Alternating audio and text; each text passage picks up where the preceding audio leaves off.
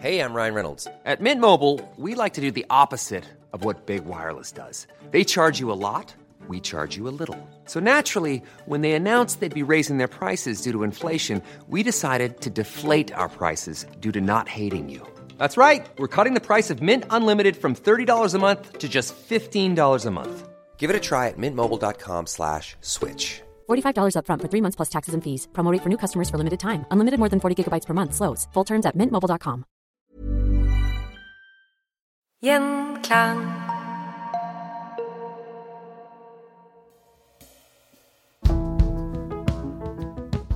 Velkommen til Historier som endret verden. Temaet i dag er Den romerske republikken, og med meg for å snakke om det har vi Jon Ideng fra Universitetet i Sørøst-Norge. Velkommen. Takk. Vi kan starte med å beskrive det tidlige Roma. Det er, det er syv høyder som hadde et sumpområde mellom seg. Ja, det er sant. Og der var det noen som til slutt grunnla en by. Eh, og etter legenden så var jo det Romulus eh, og hans bror Remus som eh, hadde bestemt seg for å anlegge en by der, og så krangla de om hvilken av disse høydene byen skulle være på. Og det endte da med at Romulus tok livet av broren sin, Remus, og grunnla da byen der den skulle ligge i dag, med utgangspunkt på Palatinerhøyden da, og området rundt. Men men var, der eh, grunnla man da en by, og har, vi har en, noen si, arkeologiske rester som tyder på at ja, det var en bosetning som ble større og større utover på eh, det åttende århundret før vår tidsregning. Så det stemmer så noenlunde med mytene om når byen skal ha blitt grunnlagt. Og så vokser det da til en, en by rundt uh, på dette vadestedet over Tiberen, som du sier, som et litt sånn sumpområde. Og der, eh, der, anla man da sitt, eh, et felles forum for eh, det, det, offentlige feltet, og boliger rundt på høydene. Og nærmeste naboer, var det etruskerne? Etruskerne var et eget folkeslag, ja, mens det, vi befinner oss jo nå i Latium i antikken, og der var det jo latinske bystater også rundt andre latinske små byer på, på den tiden. Og den mest kjente var kanskje Alba Longa, som også da har dukket opp i, i senere folklore som, som eh, bakgrunnen for, for, Roma også. Det var der liksom, denne Eneas som skulle var utsendt fra det brennende Troja til å grunnlegge en ny by og en ny sivilisasjon. Og, og, det var Alba Longa som, som ble første stopp første på reisen. Roma starter da som et kongedømme var det korrekt? Med Romulus? Som eh, ja, det er jo i hvert fall den tradisjonen. Myten, uh, myten om Roma er sånn. Og så uh, er det nok mye som tyder på at det var et, et slags kongedømme til å begynne med. Uh, men vi vet veldig lite om den tidligste historien. Den er beskrevet hos Livius i, i hans tidligste historieverk. men den det, og, og, et par andre kilder bevares, men, men det er mange hundre år etterpå at dette er skrevet ned. Eh, og det er ganske mye i denne historien som minner litt om andre historier. Så, eh, og det er sånn segmenter av disse, disse, disse kongene som kanskje ikke er historiske, som da har veldig lang regjeringstid alle sammen, og de bytter på med egenskaper osv. Så noen, noen mener at et, hele denne kapittelet i romersk historie er bare ren fiksjon, det er bare diktning, mens andre mener at her er det en historisk kjerne som man bygger på, så har man bygd det ut med, med ting som er mer eller mindre riktig, da. Men vi kan gå ut fra at antageligvis så var det et eller annet form for kongedømme, og så skjer det et eller annet. Og da går det over til å bli en nærmere republikk? Ja. I 509 før vår tidsregning så, eh, så, kom det da til en slags republikansk revolusjon. Det vil si at de kaster ut eh, kongen, eh, Tarquinius Superbus, som da hadde vært en upopulær konge. Han var nok opprinnelig en etrusker. Eh, og historien om disse tidlige kongene i Roma er også ofte at de, de kommer fra et annet sted. De blir valgt, så det er ikke, det er sånt arvekongedømme direkte, eh, bortsett fra de aller siste. Men de, de, skal liksom velges og godkjennes, men de kommer utenfra. Og disse etruskiske kongene, som det er de tre siste i hvert fall, antageligvis var etruskere alle sammen, hvis man skal stole på kilden i det hele tatt, da, eh, så, eh, så, ble han utstøtt fordi han gjorde upopulære ting. Og prøvde seg på en kysk ung dame, for eksempel, og voldtok henne, og da, da gjorde de opprør.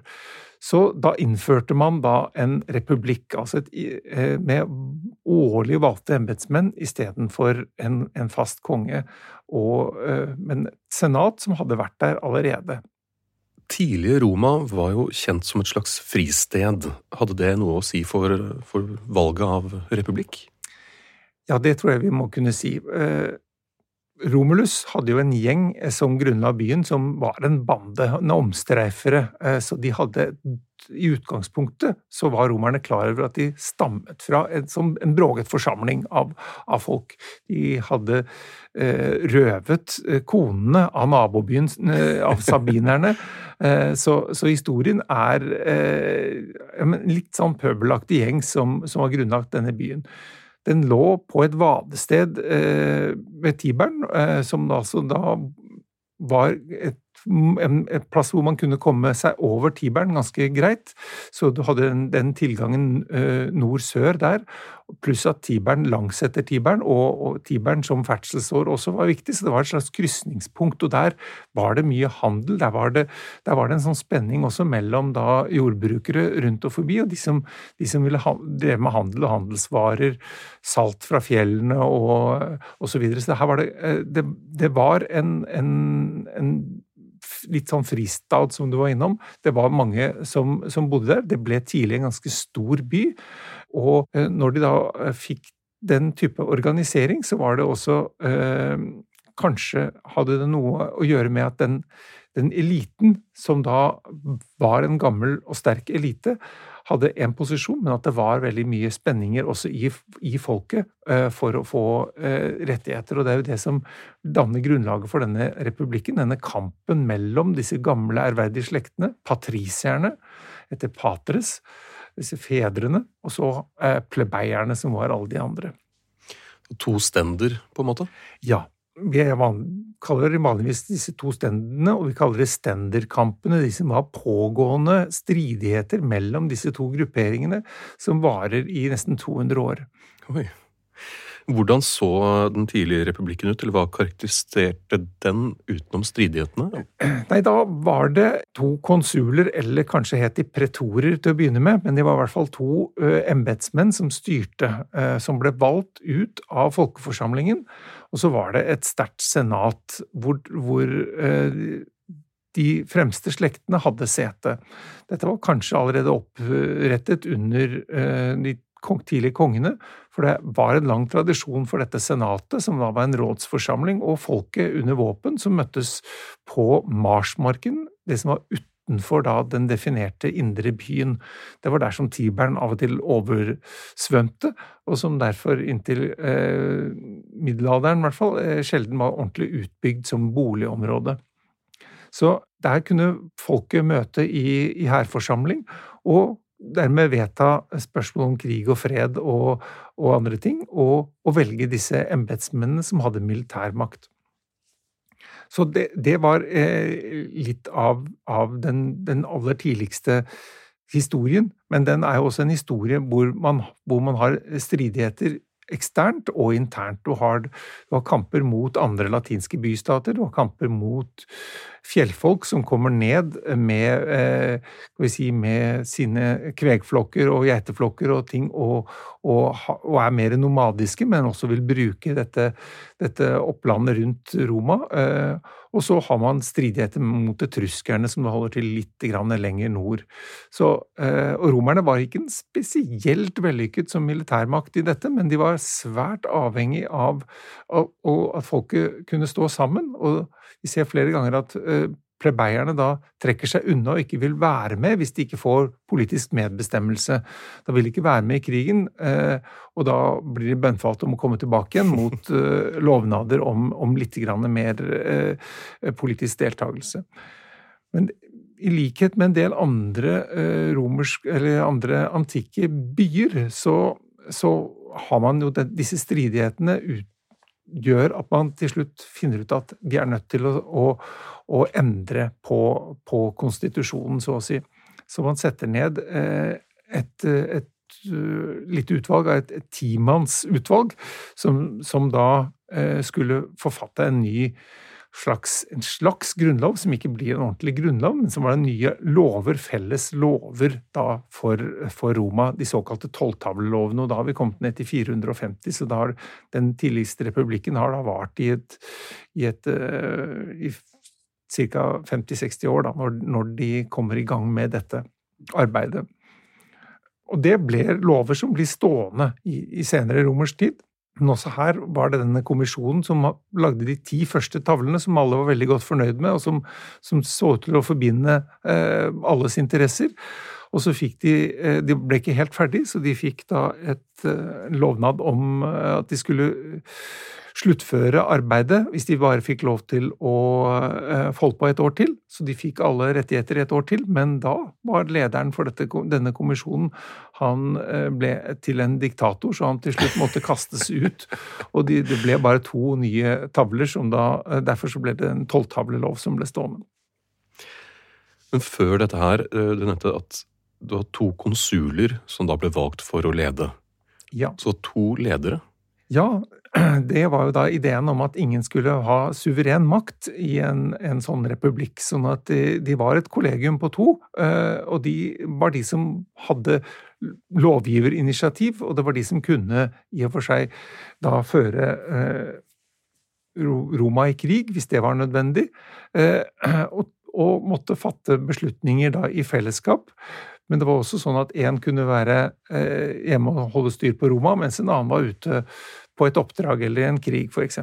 Så dette var et av buemerkene på den romerske republikken, at de alltid hadde to konsuler. Og etter denne tolvtavleloven, hvilke institusjoner fantes, altså politiske institusjoner fantes i Roma? Nei, selv med tolvtavleloven så var man jo ikke ferdig med de politiske stridighetene mellom patricierne og plebeierne, så det pågikk en god stund. Eh, videre helt ned til, til 300-tallet. Og for da eh, måtte, man, måtte patriserne til slutt godta gradvis mer og mer av plebeiersk innflytelse, og til slutt så er de nesten på alle områder helt likestilte, bortsett fra noen presteskap som patriserne fremdeles har monopol på. Men det som da e, Etter dette så, eh, så er det fremdeles embetsmenn, eh, og det kommer til nye embetsmenn også, og flere embetsmenn, ikke minst, for Roma blir større og større og får en større innflytelse over sine nærområder. Og da kommer det flere pretorer til, som også skal sørge for rettsvesenet overfor disse fremmede. Men et nytt embete dukker også opp, de såkalte folketribunene, og det var egentlig en ombudsmann for plebeierne som skulle stå imot patrisisk overmakt overfor disse.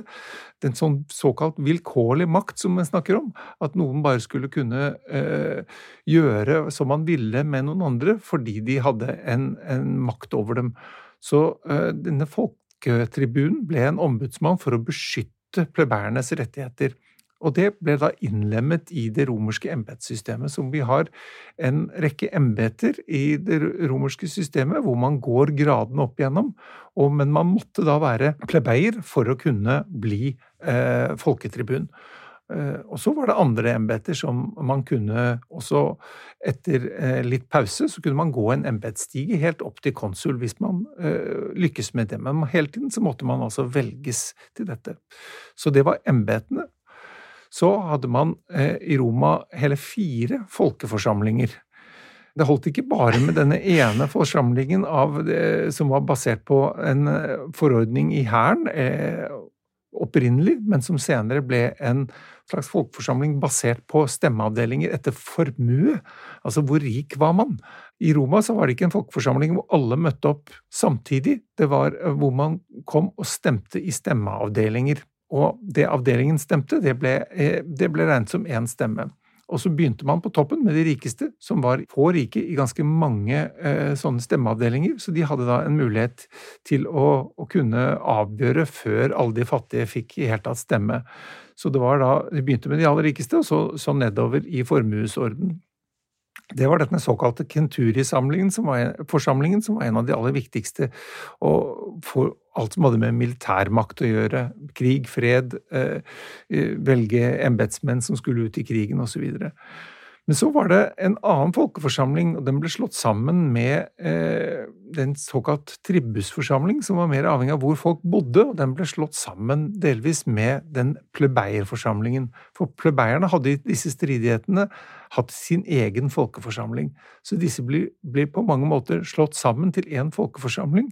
Og den var altså basert isteden på der folk bodde. Så det var fire områder av Roma by, og så var det til slutt 31 utenfor Roma by som var sånne stemmeavdelinger. Så den var eh, mye mer demokratisk, kan vi si, hvor folk eh, hadde en større innflytelse. Og det var også her til slutt at lover ble vedtatt. Så, det, så man fikk et, et, et, eh, mer demokratisk eh, element over eh, lovgivningen.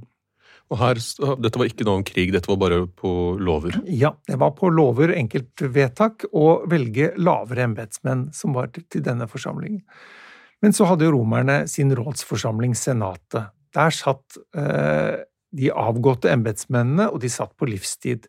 Kanskje også noen representanter fra de rikeste familiene som hadde, blitt, eh, hadde fått plass der underveis. Det er litt uklart, men i hvert fall så skulle det være minst 300. Noen ganger så ble den utvidet også med et antall medlemmer, og den var da en forsamling som hadde råd, som, som skulle gi embetsmennene råd, og som skulle forberede eh, ting å diskutere. Den hadde spesielt ansvar for uten, alt utenrikspolitikk, så hvis det kom gesanter eller diplomater fra andre stater som skulle møte noen i Roma, så møtte de senatet.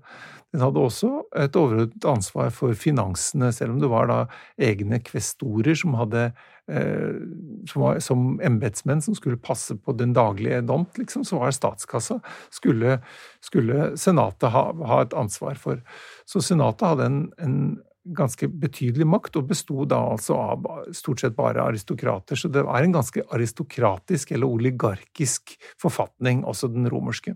Men da, for å bli senator, så måtte du ha vært embetsmann og så ja. gått av? Og for å bli embetsmann så måtte du være valgt, og du måtte da ha, komme fra ridderstanden og satse på en politisk karriere. Det var jo en ulønnet posisjon, så du måtte ha masse ressurser for å kunne stille til valg og, og virke som, som eh, en, en embetsmann i Roma. Og det kunne være kostbart å være embetsmann også, for man skulle jo gjerne være litt populær, så da måtte man påkoste en ekstra fest eller noe annet som var stas, eller et bygg eller noe sånt. så så dette var for, for den rike eliten eh, en måte å gjøre seg populær på, men også en måte å vise at man gjorde rett og slett for seg, at man hadde bystaten og dens eh, virke eh, nært sitt hjerte og, og ånd, da. Var det noen plebeier som ble senatorer? Ja, det ble de etter hvert ganske uh, fort etter disse første rundene. Hvis vi ser de nærmeste 100 årene etter uh, at republikken ble innført, så var det stort sett patrisier som, som dominerte de øverste embetene, men, men, etter hvert så kom det til flere og flere plebeiere, og til slutt så var det mange plebeiere som ble både embetsmenn og, og, som satt i senatet, så til slutt så var, den, så var det ikke noen, noen, noen forskjell i det hele tatt, bortsett fra en sånn gammel buemerke på, på noen som satt der. Men de som, eh, de som stemmer, de måtte vel kanskje være borgere? Ja, man måtte være borger i eh, Roma for å kunne stemme. Og hva er da, hvem er borgerne? Hvordan får man borgerrett? Borgerretten i Roma var ikke så ekstremt eksklusivt. Det var jo klart, eh, det var jo de som opprinnelig tilhørte byen og var borgere der. Og, og så, når Roma ekspanderer og får kontroll over Latium, som de får på 300-tallet, så innlemmer de nye byer i Roma og gir noen fulle borgerrettigheter med stemmerett, noen halve borgerrettigheter uten stemmerett, men med mange andre rettigheter, og noen bare oppretter de som såkalte forbundsfeller. Og sånn fortsetter egentlig den romerske republikken ved å forhandle fram avtaler med folk de erobrer. Det er noe av suksessen til, til, til den romerske republikken. Det er at de hele tiden klarer å gjøre gode avtaler med de de erobrer, og sikrer dem til en viss grad Særlig hvis de hadde vært litt greie og gitt seg uten altfor mye kamp, så sikrer de dem gode politiske eh, ordninger etterpå også. Og er ikke sånn som ødelegger totalt uh, de de erobrer, men, men, lar de få lov å fortsette sin egen indre selvstyre, og i noen grad henger fram den romerske uh, borgerretten som en gulrot som de også kan streve etter, for å, fordi den også var økonomisk gunstig og kunne gi ikke bare politiske rettigheter, men også, også da juridiske rettigheter etter romerretten, som, som begynte å bli viktigere og viktigere. Men eh, det var rettigheter, men eh, plikter? Var det noe ja, og det er jo eh, viktig i enhver eh, sånn forfatning at, at, man også har plikter og rettigheter. Eh, hvis ikke så vil jo rettighetene til slutt oppfattes som unødvendige å gi til folket. Så det var jo militær eh, fremfor alt, og det var, det var, det å betale skatt som var naturlig for, for borgerne. Så militærtjeneste var, eh, gjaldt for alle som hadde eh, mulighet til det, dvs. Si de som måtte ha en eiendom. og Det gjelder for antikke bystater at man måtte kunne ruste seg sjøl for å kunne bidra i krigen. Så man måtte ha en jordeiendom som var nok til å brødfø en, og nok til at man kunne betale for sitt militære utstyr for å ha eh, da skjold og beskyttelse og spyd og sverd og det som hørte med av hjelm og alle ting, og tid til å, å være med og trene og eh, rett og slett bidra inn i krigen. Så ble man skrevet ut av konsulen hvert år. Så skrev man ut da en kontingent med soldater som skulle bidra inn i en eller annen konflikt eh, hvis det var nødvendig. Mens de som var såpass fattige at de ikke eh, hadde egen jordeiendom og kunne stille opp eh, her, de, de da, kunne ikke bidra militært inn i romerstaten, og det kunne bli, være et, et lite problem på sikt. Eh, og dessuten, når Roma begynte å få store imperieinntekter utover på, eh, på første eller andre århundre før vår tidsregning, så, så, avskaffet de også skatten. Så da, da, var det lite en vanlig romer bidro med eh, til slutt, eh, men hadde da rettigheter til, politiske rettighetene til å møte opp i folkeforsamlingen hvis han da bodde sånn til at det, var, at det var praktisk mulig å komme seg på folkeforsamling. For de som bodde lenger unna, så var jo det klart litt vanskelig, fordi det var direkte oppmøte her også. Man måtte komme til Roma by og stemme der og da. Som du nevnte, så ekspanderte jo Roma eh, noe voldsomt og ble en betydelig militærmakt. Hvordan påvirket det republikken og det politiske systemet? Nei, Det store problemet da var jo uh, Var det nok soldater? Uh, som er en, utfordring som en del romerske uh, embetsmenn er opptatt av. Klarer vi å rekruttere nok til disse krigene utenfor Rom, hele Italia. ikke sant? De har jo sikret seg eh, områder eh, både øst og vest, kanskje særlig da de vestlige områdene i Spania, hvor det var upopulært å reise til. For der, det å krige mot disse geriljataktikken som, som keltibererne der brukte, det, det, det, kunne ende riktig forferdelig, og det var heller ikke så mye eh, og gods og gull og ting å røve med seg sånn umiddelbart. Byene var ikke sånn organisert som, og så, så, greit som det var kanskje andre steder, særlig da i, i det heleniserte eh, øst. Så det var, kunne være upopulært og vanskelig å, å utskrive nok soldater. Eh, og, og, mange eh, utfordringer på å holde et stadig større rike i sjakk. Både da eh, opprør fra de erobrede områdene, men også press utenfra og de stadig nye konfliktene som romerne har engasjert seg i. Så, så et problem ble jo da at soldatene måtte ikke bare utskrives og, og uh, forsvare Roma by i en uh, sommersesong. Nei, de skulle kanskje uh, dra vekk fra Italia til en krig et annet sted, måtte ligge i vinterkvarter der, og det kunne ta flere år før man kom tilbake igjen til Italia. Og dette kunne da føre til at man mistet kontroll med egen jord, at noen andre hadde den hadde ligget brakk, eller noen andre hadde måttet overtatt jorda for deg, og det kunne også føre til, at, eh, til soldatmangel. Og Derfor så kom det stadig reformer og, og krav om, om, nyutdeling av jorda, eh, som også ble et, et problem. Fordi noe, denne statsallmenningen, eller mye jord som romerne hadde erobra, var stort sett forpaktet bort til rike eh, godseiere. Eh, som pressa også de småbøndene delvis ut av sine områder. Så eh, den spenningen mellom de rike, som ble enda rikere når de var ute på, på felttog og, og, suksessfulle kriger der ute med krigsbytte og, det hele, og fattige som da hadde enten tjenestegjort veldig lenge og ikke hadde noe særlig å gå tilbake til, eh, eller folk som hadde blitt drevet ut av, av jorda si, ble et problem med at det var veldig mange eh, si, uten eiendom som, som utgjorde eh, den romerske befolkningen i Roma by og omegn. Hei, Christian fra Historisk mønret verden her. 7. til 21. mars inviterer Universitetet i Oslo til festivalen Inn i historien.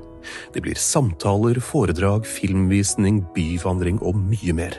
Jeg skal i hvert fall se okkultisme og heksebrenning på selveste kvinnedagen på Deichmanske Oppsal og kanskje nazistenes bruk av Ibsen på Majorstua bibliotek 11. mars. Det er masse som skjer, og faktisk så skal jeg ikke bare ha én, men to livepoder 12. mars klokken seks på Deichmanske Romsås skal jeg snakke med Kjerstin Aukrust om det franske kolonirikets fall.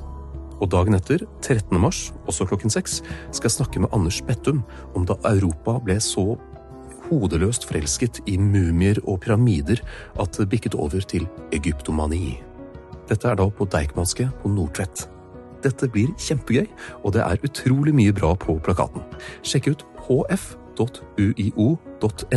eller så kan du bare google 'Inn i historien', så finner du hele programmet. Det er masse å se, og alt er gratis.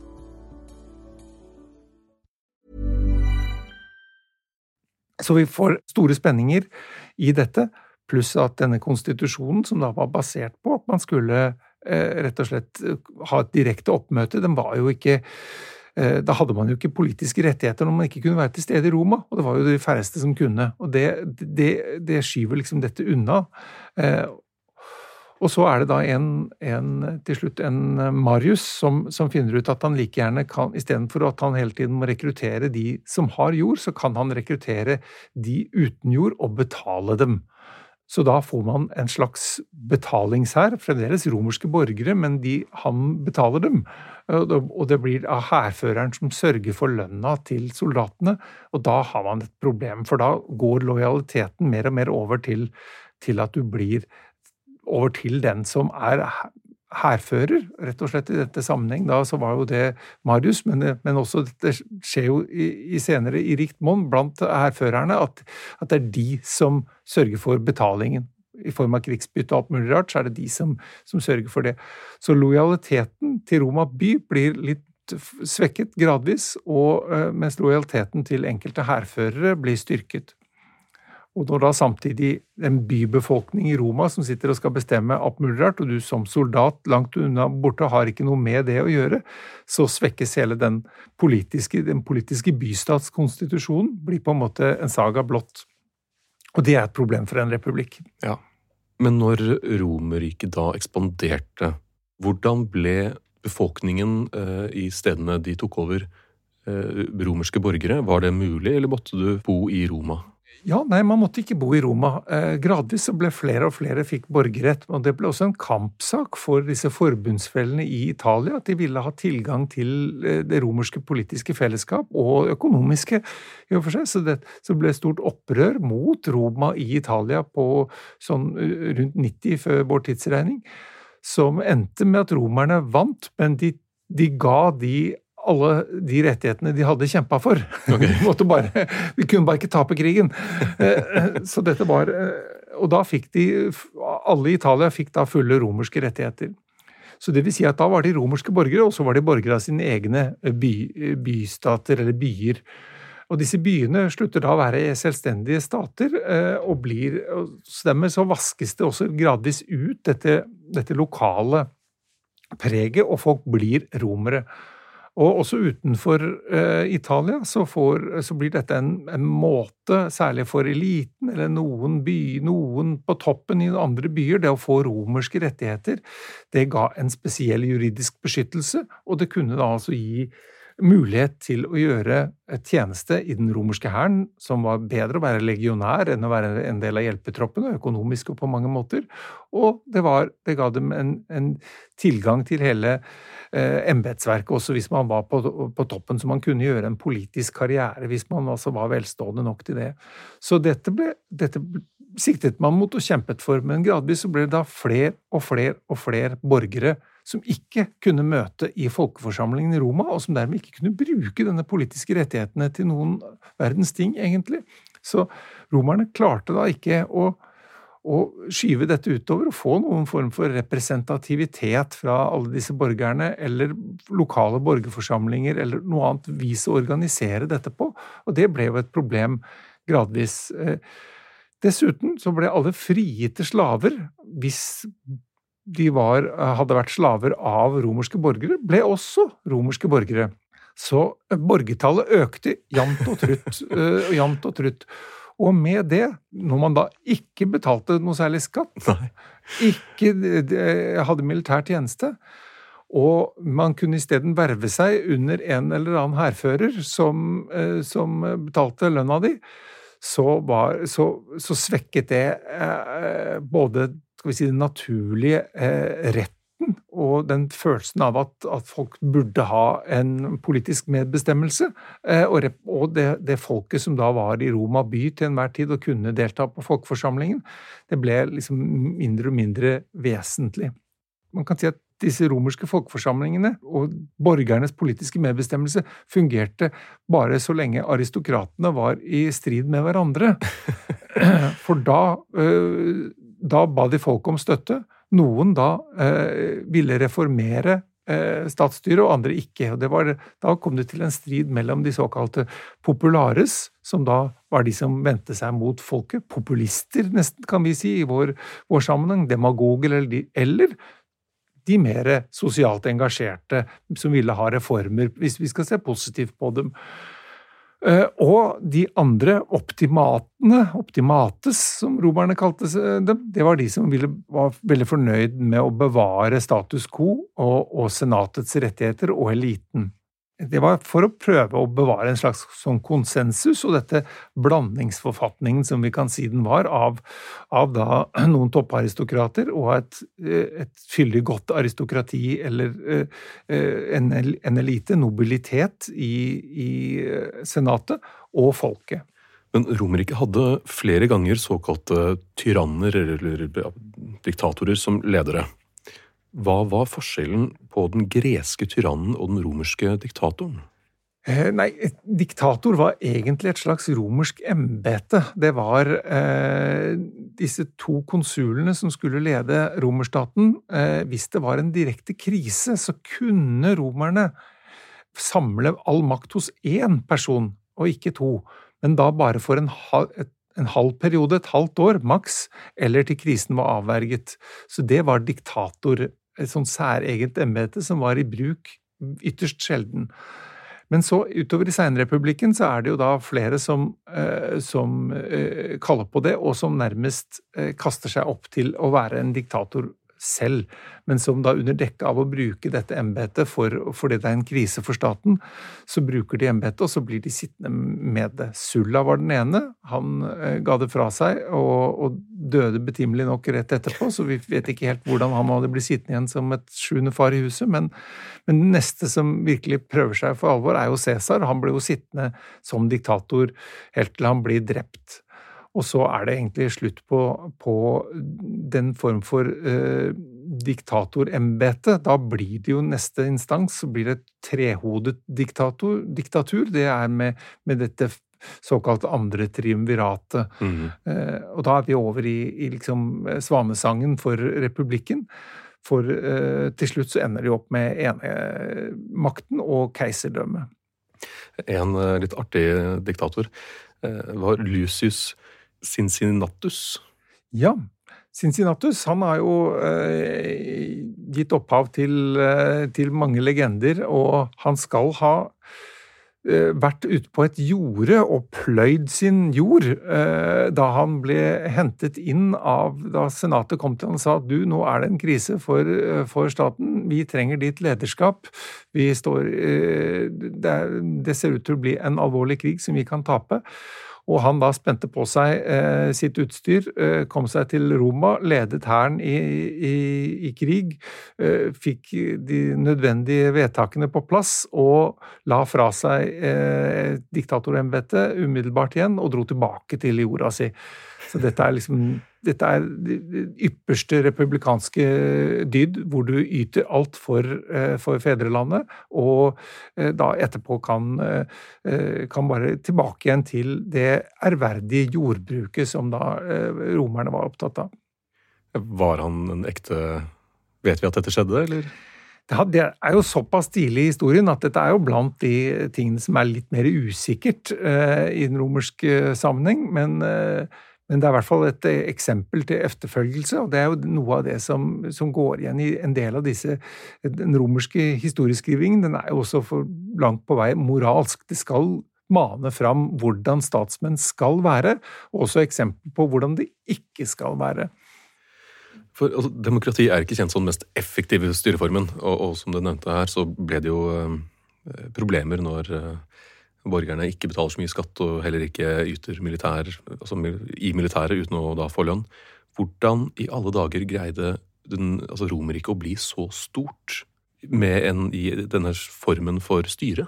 Ja, nei, det, det er det jo uh, Polybros, som var en greker, som uh, ble på en måte tatt som et gissel, egentlig, fra Peloponnes. Uh, for det var ikke uvanlig når romerne hadde gjennomført en, en, erobring eller en krig, så tok de ofte med seg ungdommene tilbake til Roma fra eh, lokale helter for å, at de der skulle få være med å skikke seg. Så det var jo ikke gissel i den forstand, men, men det var sånn Du, du blir fostra opp hos oss som en slags sånn avtale. ikke sant? Da holder dere fred, ikke sant? for vi tar med de viktigste barna. Så Polyb var med til Roma og fikk der oppleve Roma uh, innen den svært fremgangsrike og sterke Scipio-familien, som han da fikk være med på felttog med og oppleve. Og han var jo da både historieinteressert og en, og en intellektuell, så han skrev da en historie om Roma for den gresstalende verden. Og han eh, er den som da beskriver denne forfatningen også som så utrolig vellykka, fordi den ikke var et demokrati. Men den kunne se ut som et demokrati hvis man så på folkeforsamlingens makt. Men hvis man så på senatets makt, så mente han den absolutt ligna på et aristokrati, for det var vide fullmakter og mye de bestemte over. Men så man på embetsmennene med de fantastiske eh, frie rettighetene de hadde, og den makten de hadde til å ut, til, eh, med sitt imperium, så virka de som konger. Så han mente at romerne her hadde klart å samle den, en, en, blandingsforfatning som, eh, som, var riktig, av nemlig monarki, eh, aristokrati og demokrati i en og samme masse. Og så hadde man da eh, en sånn borgerånd, og nettopp verneplikten, da, som også var sentralt og viktig. Pluss at man da i dette fellesskapet hadde klart å opprette i den perioden en, en relativ konsensus blant eliten om å yte også for, for, fellesskapet.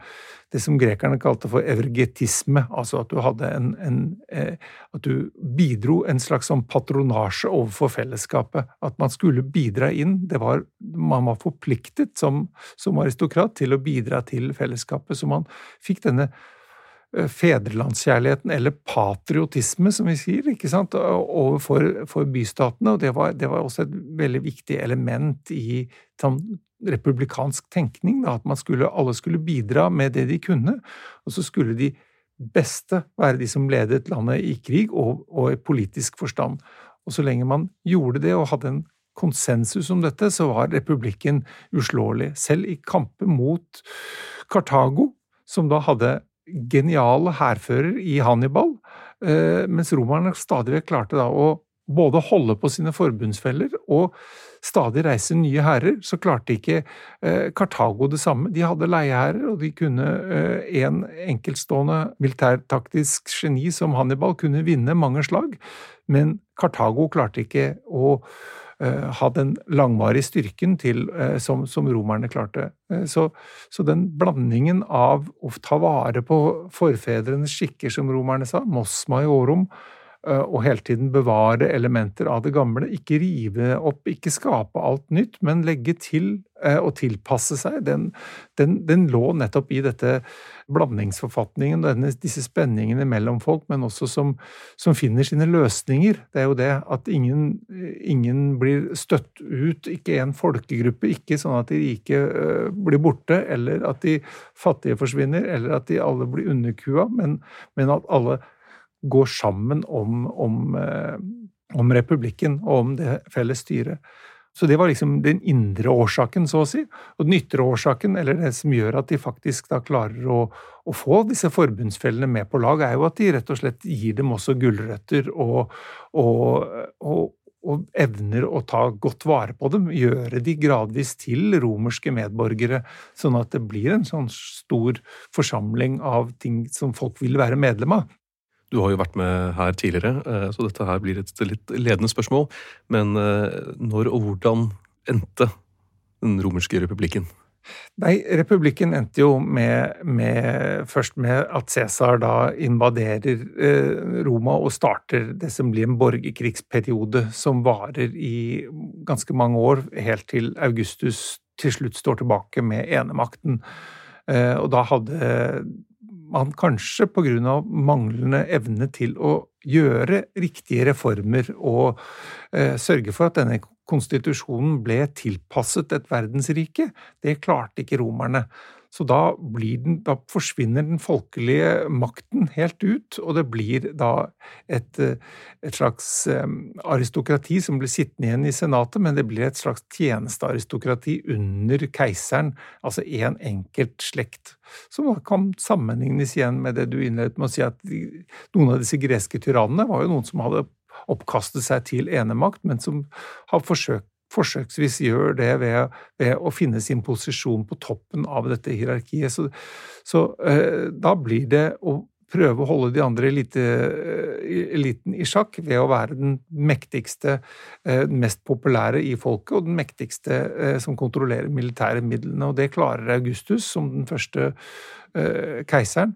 Og så etablerer man da dette som, eh, som en, en, ny forfatning, en ny måte å styre på, hvor som rett nok bevarer en del av elementene av, fra, fra, den gamle republikken, med embetsmenn og, og, noen proforma valg i folkeforsamlingen, en kort periode i hvert fall, før folket og folkeforsamlingen forsvinner helt ut. Og det er jo det som er døden for republikken som sådan, er jo at, at den folkelige politiske deltakelsen blir da helt opphevet. Det er ikke lenger folkeforsamling etter Augustus' død, så avskaffes det helt. Ok, Hvordan, hvordan reagerte folk på det? At, vi, at institusjoner bare blir borte? Nei, det eh, Vi har en dikter som heter eh, Juvenal, som beskrev dette eh, 100 år seinere, som skriver at eh, det, det, mektige romerske folk som en gang var opptatt av å, å, å tildele kommandoer og, og, avgjøre viktige saker, de ble, de ble på en måte forledet til å bare være opptatt av brød og sirkus. Det er et begrepet om uh, panes et kirkensis, ikke sant? Det er det at du får du, du var gratis kornutdeling, etter hvert gratis utdeling av brød, og så var det eh, eh, underholdning i byen i form av, av stadig nye eh, Sirkus var jo hesteveddeløp, men det var også andre ting. Det var teaterforestillinger, det var gladiatorkamper, og det var, det var eh, festivaler og den slags. Så det var liksom underholdning og brød ble folk holdt i sjakk med. Men det var nok også en følelse da gradvis av at uh, dette stolte romerske folket var jo uh, Militæret var jo ikke lenger en del av, av uh, de som kunne møte i folkeforsamlingen likevel, og det var de som avgjorde på slagmarken. Ja, for En interessant forskjell på republikken og da eneveldet er jo at det i førstnevnte var mye krig og strid, mens det under Augustus blant annet var overraskende mye fred. Hva var mekanismene bak det? Det, det var, hadde vært utrolig mange og lange borgerkriger, så det var nok et, et, si, et krigstrøtt uh, folk. Men uh, da hadde man jo også skrevet ut enormt store hærer. Uh, og det var vanlig, som jeg sa. Så var det vanlig at hver en, en konsul kunne skrive ut sine hærer til et til et oppdrag, og så skulle den oppløses når krigen var vunnet eller det var kommet til en fredsslutning. Det Augustus gjorde, var å beholde halvparten av hæren. Han, han, han avskaffa en halvdel av hæren og oppløste den, men så beholdt han halvdelen av hæren og lot de stå og hadde personlig kontroll på alle de områdene som var urolig. Og så passifiserte han en del områder, så det var jo ikke det at eksterne krigere var slutt, men han hadde da fått en endelig slutt på borgerkrigen, og da var det nok et krigstrøtt for, for folk overalt som, som, da lot seg også lokke med da fredens gleder og, og, eh, alt som kom med den. At man ikke lenger behøvde å ha, ha bymurer, at man ikke lenger behøvde å ha å være forberedt på krig hvert uh, annet år, men at man kunne leve med, med, vin, med bad, med biblioteker og bøker, og, og, og, i og for seg leve i sus og dus, i hvert fall den biten den, den indre delen av, av, Pax Romana, den romerske freden som hersket da i Italia og andre eh, pasifiserte områder så fikk man heller ta til takke med at var at man ikke lenger hadde noen politiske rettigheter, men de hadde kanskje ikke betydd så mye uansett. Det er jo litt av det. Det er sant. Eh, og Romerriket skulle ikke vare evig. Var tanken om republikk som styreform helt borte etter Romerrikets fall? Ja, mer eller mindre, men vi, se, vi ser jo igjen at uh, hele Romerriket hadde jo romerske byer uh, i seg. Både greske byer, den greske delen av området, og romerne som anla e, egne byer. Alle disse byene hadde jo det samme preget av bystatskulturen, og der var det jo en indre selvstyre, i hvert fall som, som, til en viss grad var, var eh, kunne sies å ha, ha, et republikansk mønster. For deg, var det i hvert fall eh, embetsmenn og, og noen grad folket som kunne, kunne, komme i teater eller andre steder og, og gi uttrykk for sin mening. Eh, så, så noen grad så, så, bevarte man det der, men ellers så er det på styring av staten, så blir det jo helt borte. Og det blir, en, det blir et vagt minne som, som er en del, eh, en del sånne stoikere opp igjennom som er opptatt av, og det blir en republikansk opposisjon til keiseren som gang på gang gjør seg gjeldende i hvert fall de første århundre av, av, romersk keisertid. Og så blir den også skjøvet under og borte, og så blir på en måte hæren alt viktigere for, for, alt det politiske. Så skal du bli en politiker i Roma, så må du ha tjenestegjort og kommet deg høyt opp i hæren, og da, da, er det liksom over den, den republikanske tanken i, om, om Romerriket i hvert fall blir borte. Da har vi lært om den romerske republikken. Tusen takk for at du kunne komme og prate om dette, Jon Ideng fra Universitetet i Sørøst-Norge.